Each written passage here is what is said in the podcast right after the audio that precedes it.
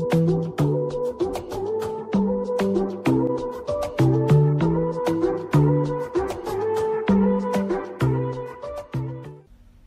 kolega politik, selamat datang di podcast What a Day with Political Science.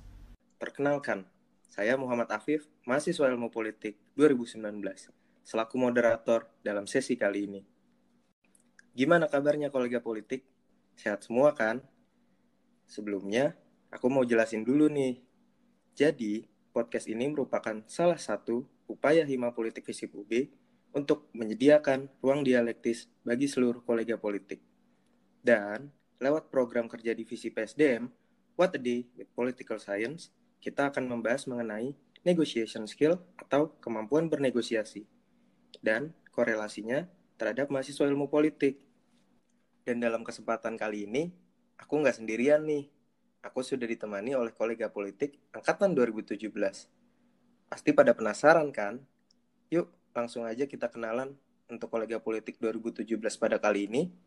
Silahkan memperkenalkan diri. Halo, nama saya Adi Guna Daniel Jeras, biasa dipanggil Jeras. Saat ini mahasiswa ilmu politik Universitas Brawijaya semester 6. Nah, kolega politik pasti pada kenal kan sama pemateri kita yang satu ini. Terus, balik lagi ke topik negotiation skill atau kemampuan bernegosiasi. Sebenarnya pengertian dari negosiasi skill itu apa sih Mas Jeras? Oke, kalau aku minjem dari penjelasan dari dosenku sendiri, waktu kelas negosiasi dan lo, kemampuan negosiasi dan lobby, negosiasi itu adalah kegiatan tawar-menawar antar dua pihak atau lebih untuk mencapai sebuah kesepakatan. Biasanya tuh negosiasi itu dipakai formalnya ya buat mengurangi konflik untuk menyelesaikan konflik gitu kayak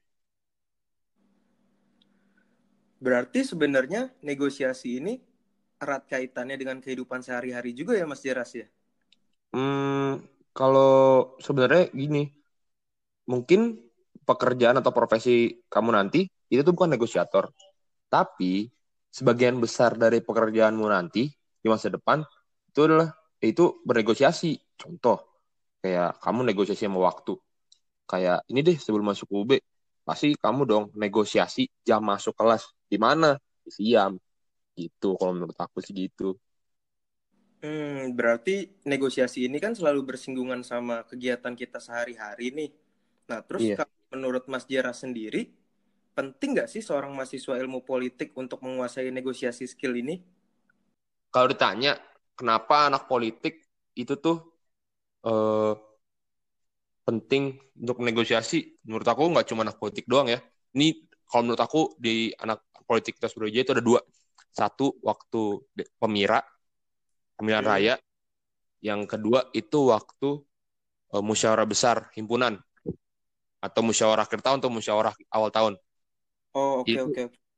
Itu tuh laboratorium paling berharga, paling mahal, paling bagus buat ngebaca realita lapangan sama miniatur kehidupan negosia negosiasi politik di masa kamu waktu kerja. Iya, iya. Berarti eh, pas lagi musyawarah akhir tahun itu, negosiasi skill ini sangat kepake banget ya Mas di mahasiswa ilmu politik Universitas Brawijaya. Bukan kepake lagi, itu tuh realita lapangan gimana cara kita negosiasi yang formal tuh cara gitu, itu bener-bener miniatur pekerjaan kamu nanti. Pas gede misalkan nih, amin-amin, kamu jadi DPR nih nanti, jadi dewan. Wah, amin banget sih Mas. Kayak Terus- gitu tuh mekanismenya kurang lebih. Nah dari, dari sini juga kita belajar realita lapangannya. Misalkan ada yang ada satu dua orang nggak sepakat ya ada ada proses lo ada proses lobby nah proses lobby itu gimana di, dijelasin sistematikanya di, di musyawarah tadi tadi menurut aku tuh eh, lapangannya banyak banget deh laboratoriumnya buat anak politik UB gitu Nah, Oke Mas, kalau aku lihat nih jawaban Mas Jeras tadi, negosiasi skill ini kan penting banget nih untuk dimiliki sama semua orang, terutama oleh mahasiswa ilmu politik. Karena memang Iya. sangat bersinggungan dengan kehidupan sehari-harinya. Begitu kepake banget juga di himpunan nanti pada saat musyawarah akhir tahun. Nah, terus karena ini sangat penting, ada nggak sih mas bekal tertentu yang harus kita miliki sebelum melakukan negosiasi? Jadi tuh kalau bekalnya dibilang semua anak politik Universitas Brojo itu pasti dibekalin sama masalah ne fundamentalnya negosiasi. Itu tuh mulai dari mata kuliah komunikasi politik, terus nanti di semester 5 ada negosiasi dan lobby, sama mungkin ada singgung dikit di manajemen resolusi konflik. Nah, kalau belajar dari di kelas mata kuliah negosiasi dan lobby itu, sebelum kita negosiasi, itu kita harus riset dulu. Kata dosenku nih, kata Bu Juwita, dia bilang orang-orang yang negosiasi atau negosiator gitu tuh wajib hukumnya dia yang kompeten. Maksud dari kompeten ini tuh dia tuh ngerti apa yang dia mau negosiasiin. Nah, karena dia ngerti, pasti dia kan riset dulu nih. Ya kan? Iya, Mas. Terus? Contohnya gini, uh, Apip ini penjual. Oke. Dan saya ini pembeli. Iya, terus Mas? Contohnya kalau di paling gampang ya, masalah negosiasi kan di pasar. Nah, kita nih harus bikin apa ya, bikin riset dulu. Salah satu yang kita harus tahu tuh reservation value atau bisa disingkat RV. RV ini apa Mas? RV ini tuh batas batas tertentu untuk kamu keluar dari negosiasi. Contohnya kalau pembeli itu tuh oke okay, kalau ditanya hmm, bekal sebelum untuk bernegosiasi kalau minjem pernyataan dari dosenku ya dibilang bekal pertama sebelum negosiasi itu orangnya itu harus kompeten. Karena di Amerika itu negosiator tuh jadi profesional loh, digaji, ada pekerjaan sendiri namanya negosiator. Yang jelas tuh orang yang negosiasi itu harus harus kompeten lah.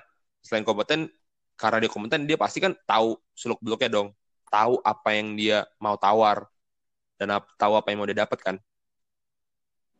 Risetnya berarti harus mendalam juga ya, Mas? Nah, risetnya juga ada, ada kiat-kiatnya tuh, ada jajarin teorinya sama nanti di kelas. Jadi, kita tuh pertama harus nentuin RV, reservation value. Hmm. Oh nih, mau jual beli jual beli di pasar deh. Paling gampang saya jadi penjual, kamu apa jadi pembelinya ya. Oke, nah, siap Mas. Saya Terus? nih jualan wortel nih. Um, Mas Apip mau beli wortel. Nah, reservation value saya ini waktu mau jualan wortel, dia tuh adalah harga paling rendah yang paling bisa Mas Apip tawar buat saya. Misalkan nih batasnya ini nih wortel nih cuma bisa dijual 2000 satunya misalnya. Terus uh, Mas Apip itu tuh paling mahal ngeluarin duit buat wortel katakanlah 3000. Mm -hmm. Nah itu kalau misalnya uh, wortel ini dijual empat ribu Mas Apip nggak bakal mau nggak bakal mau beli. Oh iya iya ya, Mas. Pokoknya Mas Apip itu tuh batasnya ngeluarin duit sampai tiga ribu. Nah rentang dari reservation value sama saya sama Mas Apip itu namanya ZOPA zone of possible agreement. Jadi artinya di tengah-tengah kemauan kita tuh kita bisa deal di situ kayak misalnya kita bisa deal di harga dua setengah atau ya di antara di antara kesepakatan itu adalah nah makanya kita sebelum negosiasi kita tuh harus tahu kita harus bisa nebak reservation value-nya lawan tuh kayak, kayak berapa sih? Nah dari situ kita bisa nentuin batna. Batna apa tuh mas? Batna itu best alternative to negotiated agreement. Itu ibaratnya kayak plan A, plan B, plan C, plan D untuk kita biar nggak deadlock. Nggak mau kan? Kalau menurut aku tuh prinsip negosiasi itu ada tiga. Fast, friendly, sama efisien. Kita harus cepat. Hmm. Kita nggak kita nggak mau nambah musuh karena negosiasi itu kan long term. Kita harus jaga ikatan. Nggak mau dong, Mas Habib sekali uh, sekali menang, terus besok-besok kalau kita butuh dia lagi, kita nggak bisa dapat apa-apa. Karena harus win-win solution. Kalau cuma ada satu orang diuntungkan, pasti itu nggak bakal lama hubungannya. Karena negosiasi itu urusan reputasi sama relationship sama hubungan. Kalau menurut gitu. Berarti antara kedua belah pihak harus diuntungkan dan senang terhadap hasil dari negosiasi itu ya, Mas? Harus lah, kalau nggak ntar ada orang sakit hati, besok-besok kamu butuh dia, dia uh, bakal ngerasa takut dirugiin lagi nih. Ah, ntar aku dicelain lagi nih sama dia, dibohongin lagi nih sama dia. Kalau misalnya uh, udah tahu-tahu sama-sama saling untungin, pasti bakal berlanjut terus tuh. Itu. Hmm. Oke mas, uh, terus gini mas Jeras, ini kan kemarin kita udah sempat membuka sesi Q&A di Instagram melalui Instagramnya What a Day with Political Science. Iya. Yeah. Terus ada beberapa juga pertanyaan dari teman-teman itu yang masuk dan udah kita saring nih beberapa pertanyaan terpilih. Iya, yeah, iya. Yeah. Terus? Nah, untuk pertanyaan yang pertama itu ada dari Ed Alea Dalea. Pertanyaannya adalah, apa yang diprioritaskan dalam bernegosiasi? Oke, hal yang diprioritasin dalam bernegosiasi menurut aku tuh keuntungan dalam kedua belah pihak, win-win solution.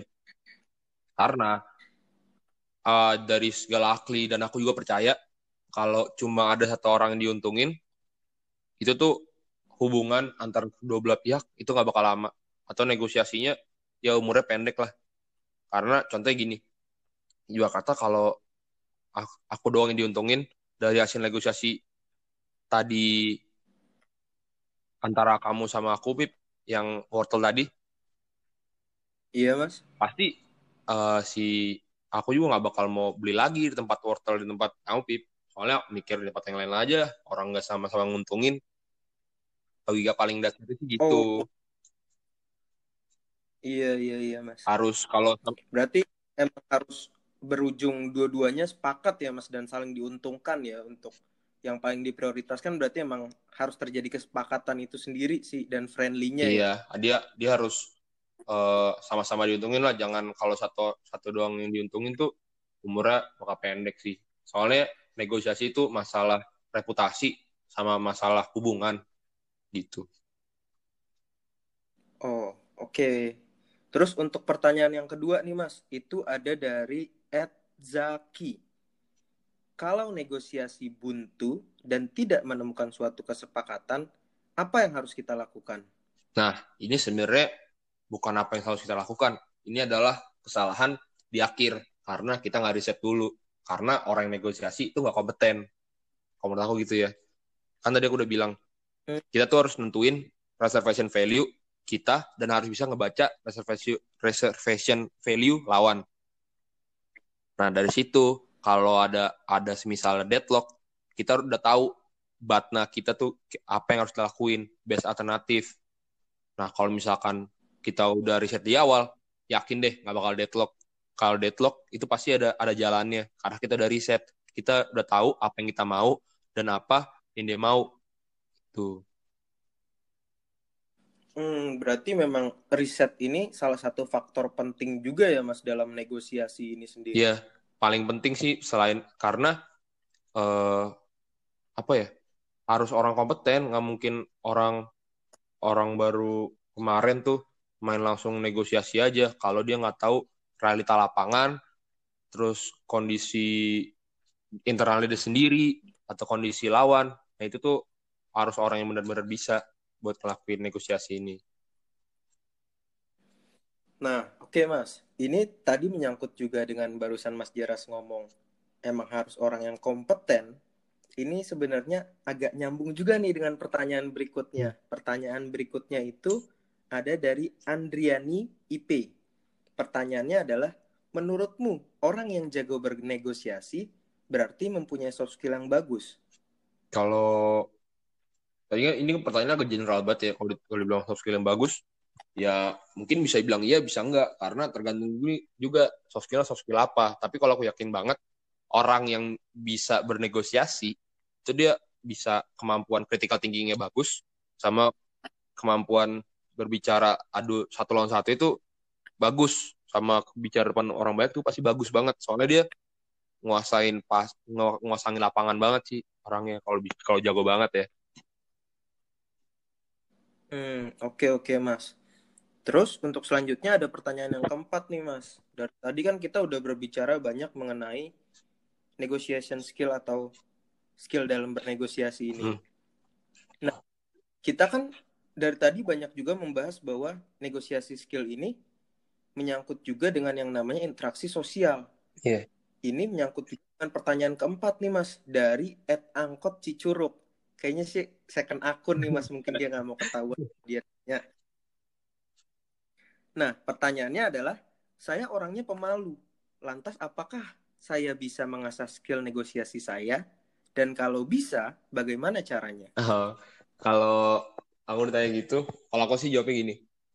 Aku percaya sebenarnya nggak ada tuh orang pemalu. Terus nggak ada tuh orang namanya introvert, extrovert tuh nggak ada kalau menurut aku. Kalau menurut aku tuh dia tuh pemalu di circle yang lain atau di keramaian. Pasti dia eh, nggak pemalu di circle yang dia tepat. Nah, kalau dari uh, penjelasan dosenku dulu juga dibilangnya salah satu faktor kunci kelancaran dari negosiasi itu tuh uh, hubungan hubungan hubungan yang baik. Contoh nih contoh, pasti Apip lebih enak minta uang sama orang tua daripada orang baru kenal, ya kan? Iyalah pastilah mas kalau itu. Nah, kayak gitu juga yang nah pemalu sifat pemalu ini bisa jadi dua bisa jadi sifat eh bisa jadi tantangan bisa jadi keuntungan buat dia misalkan nih uh, dia lawan bicaranya sama orang deket pasti dia nggak malu malu nggak nggak malu kok saya yakin. Nah kalau kalau kayak saya sendiri saya jadi malu saya saya bisa jadi pemalu karena saya nggak tahu barang itu. Atau menguasai hmm, konten itu. Contoh uh, pasti kalau kamu udah riset pasti banget itu nambah kepercayaan dirinya.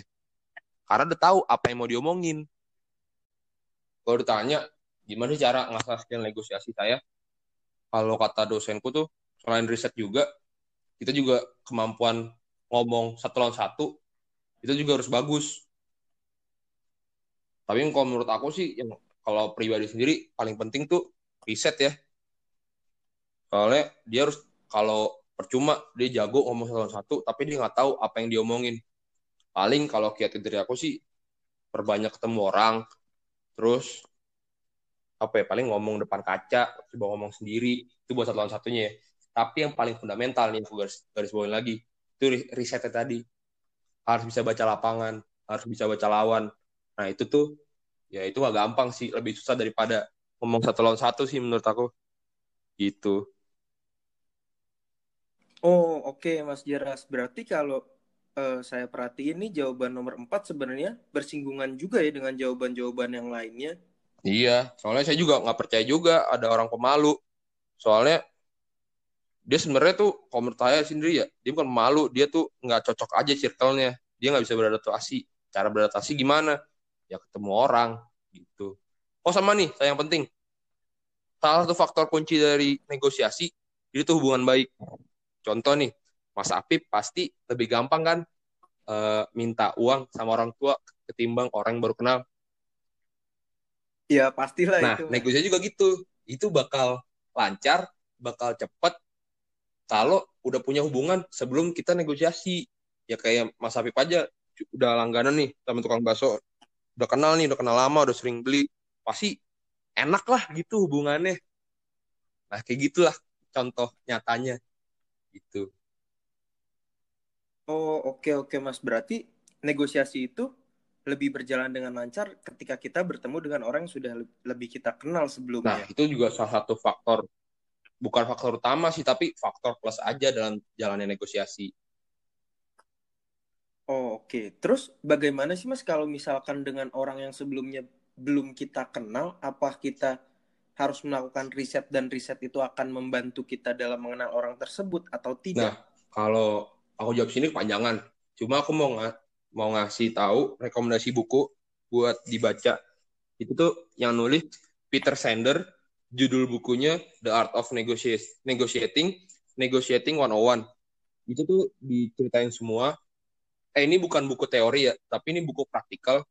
Gimana cara kita ngadepin orang, gimana trik-triknya, terus karakteristik orang tuh kayak gimana kalau kita ngelawan karakteristik orang yang ngomongnya cepet terus atau orang yang pendiam gitu harus kayak gimana taktik-taktiknya. Nah ini bukunya recommended banget buat kamu-kamu yang anaknya pengen berkecimpung di dunia-dunia politik praktis nanti waktu gede. Kalau itu bilangnya gitu sih. Oke, Mas Jeras. Ini kan kalau dari tadi awal kita sudah menyinggung masalah negosiasi skill secara umum itu kayak gimana. Habis itu kita juga menyinggung tentang penting atau enggaknya seorang mahasiswa ilmu politik untuk menguasai negosiasi skill. Terus juga kita ngebahas tentang bekal-bekal yang harus kita miliki kalau kita mau melakukan negosiasi. Udah gitu juga tadi ada banyak pertanyaan dari teman-teman kolega politik. Uh, sebenarnya kalau aku simpulin dari ini semua sih ya, uh, negosiasi skill itu sangat membutuhkan yang namanya riset. Betul nggak Mas Jeras? Ya. Betul banget. Riset, riset, riset. Karena percuma kalau kamu pede bisa nih ngomong satu lawan satu atau ngomong depan orang banyak, tapi kamu nggak tahu apa yang kamu omongin. Gitu. Paling simpelnya gitu. Oke Mas Jeras. Dan untuk yang terakhir nih eh, pertanyaan buat Mas Jeras sendiri dari saya pribadi. Kalau misalkan kita pernah pernah melakukan negosiasi dan itu gagal untuk mendapatkan suatu kesepakatan antara dua belah pihak haruskah kita tidak percaya diri dengan hasil yang sekali kita coba itu atau kita tetap harus melakukan percobaan kembali dengan melakukan negosiasi kembali dan itu untuk menjadikan kita berlatih setiap kali. Oh, oke okay, gini. Negosiasi kalau menurut aku itu kan bukan hmm, bukan soal hasil akhir, tapi soal prosesnya. Kalau itu ada timbul di timbul ketidakpercayaan, itu ada poin minusnya atau adalah obstacle yang harus dihadapi di, di negosiasi selanjutnya. Tapi itu juga jadi bahan pelajaran, kita juga bahan evaluasi. Misalkan kita jadi riset lagi nih, ngitung-ngitung batna, ngitung reservation value. Ini kemarin aku nggak nggak dilama dia karena apa ya? Oh mungkin karena hargaku kemahalan. Oh mungkin karena bargainingku kurang. Oh mungkin karena aku nyusun batna kurang banyak atau kurang alternatif, kurang menjawab. Oh ternyata offer aku kemarin itu tuh permintaan aku nggak nguntungin buat dia. Nah itu juga jadi bahan riset ulang sih. Itu kalau aku. Oke Mas Jaras, uh, sepertinya ini kan udah banyak banget yang kita tanyain. Kita udah dapat banyak informasi juga. Uh, kayaknya sih udah cukup untuk pertemuan kita kali ini nih di What a Day with Political Science. Terus sedikit mengutip juga Sebagaimana yang kita tahu, podcast ini ditujukan bagi seluruh kolega politik untuk mengembangkan kembali dialektisnya masing-masing. Dan seperti yang kita tahu juga, tadi udah disinggung oleh Mas Jeras, membaca itu adalah suatu hal yang penting. Jadi kami di sini dari Hima Politik menyediakan ruang dialektis dan kalian bisa membaca buku untuk mengeksplor ruang dialektis itu kembali. Oke, sebelumnya aku mau ucapin terima kasih banget nih buat Lima Politik udah udah ngundang aku nih. Uh, mohon maaf kalau ada kata-kata yang kurang berkenan atau nggak ngerti. Ya maklum saya juga masih mahasiswa gitu kan, masih belajar. Nah, semoga Lima Politik itu ke depannya lebih progresif lagi, bisa nyediain ruang-ruang buat ekspresi buat anak-anak politik lainnya. Gitu sih kalau aku. Oke, terima kasih Mas Jera. Terima kasih. Sekian podcast tentang negotiation skill atau kemampuan bernegosiasi bersama Mas Jeras. Jangan lupa untuk tetap stay tune di podcast Sima Politik Visip UB. Karena What a Day with Political Science akan kembali lagi dengan berbagai konten yang seru dan gak kalah menarik pastinya. And last but not least, sekian dari saya, Muhammad Afif, pamit undur diri. thank you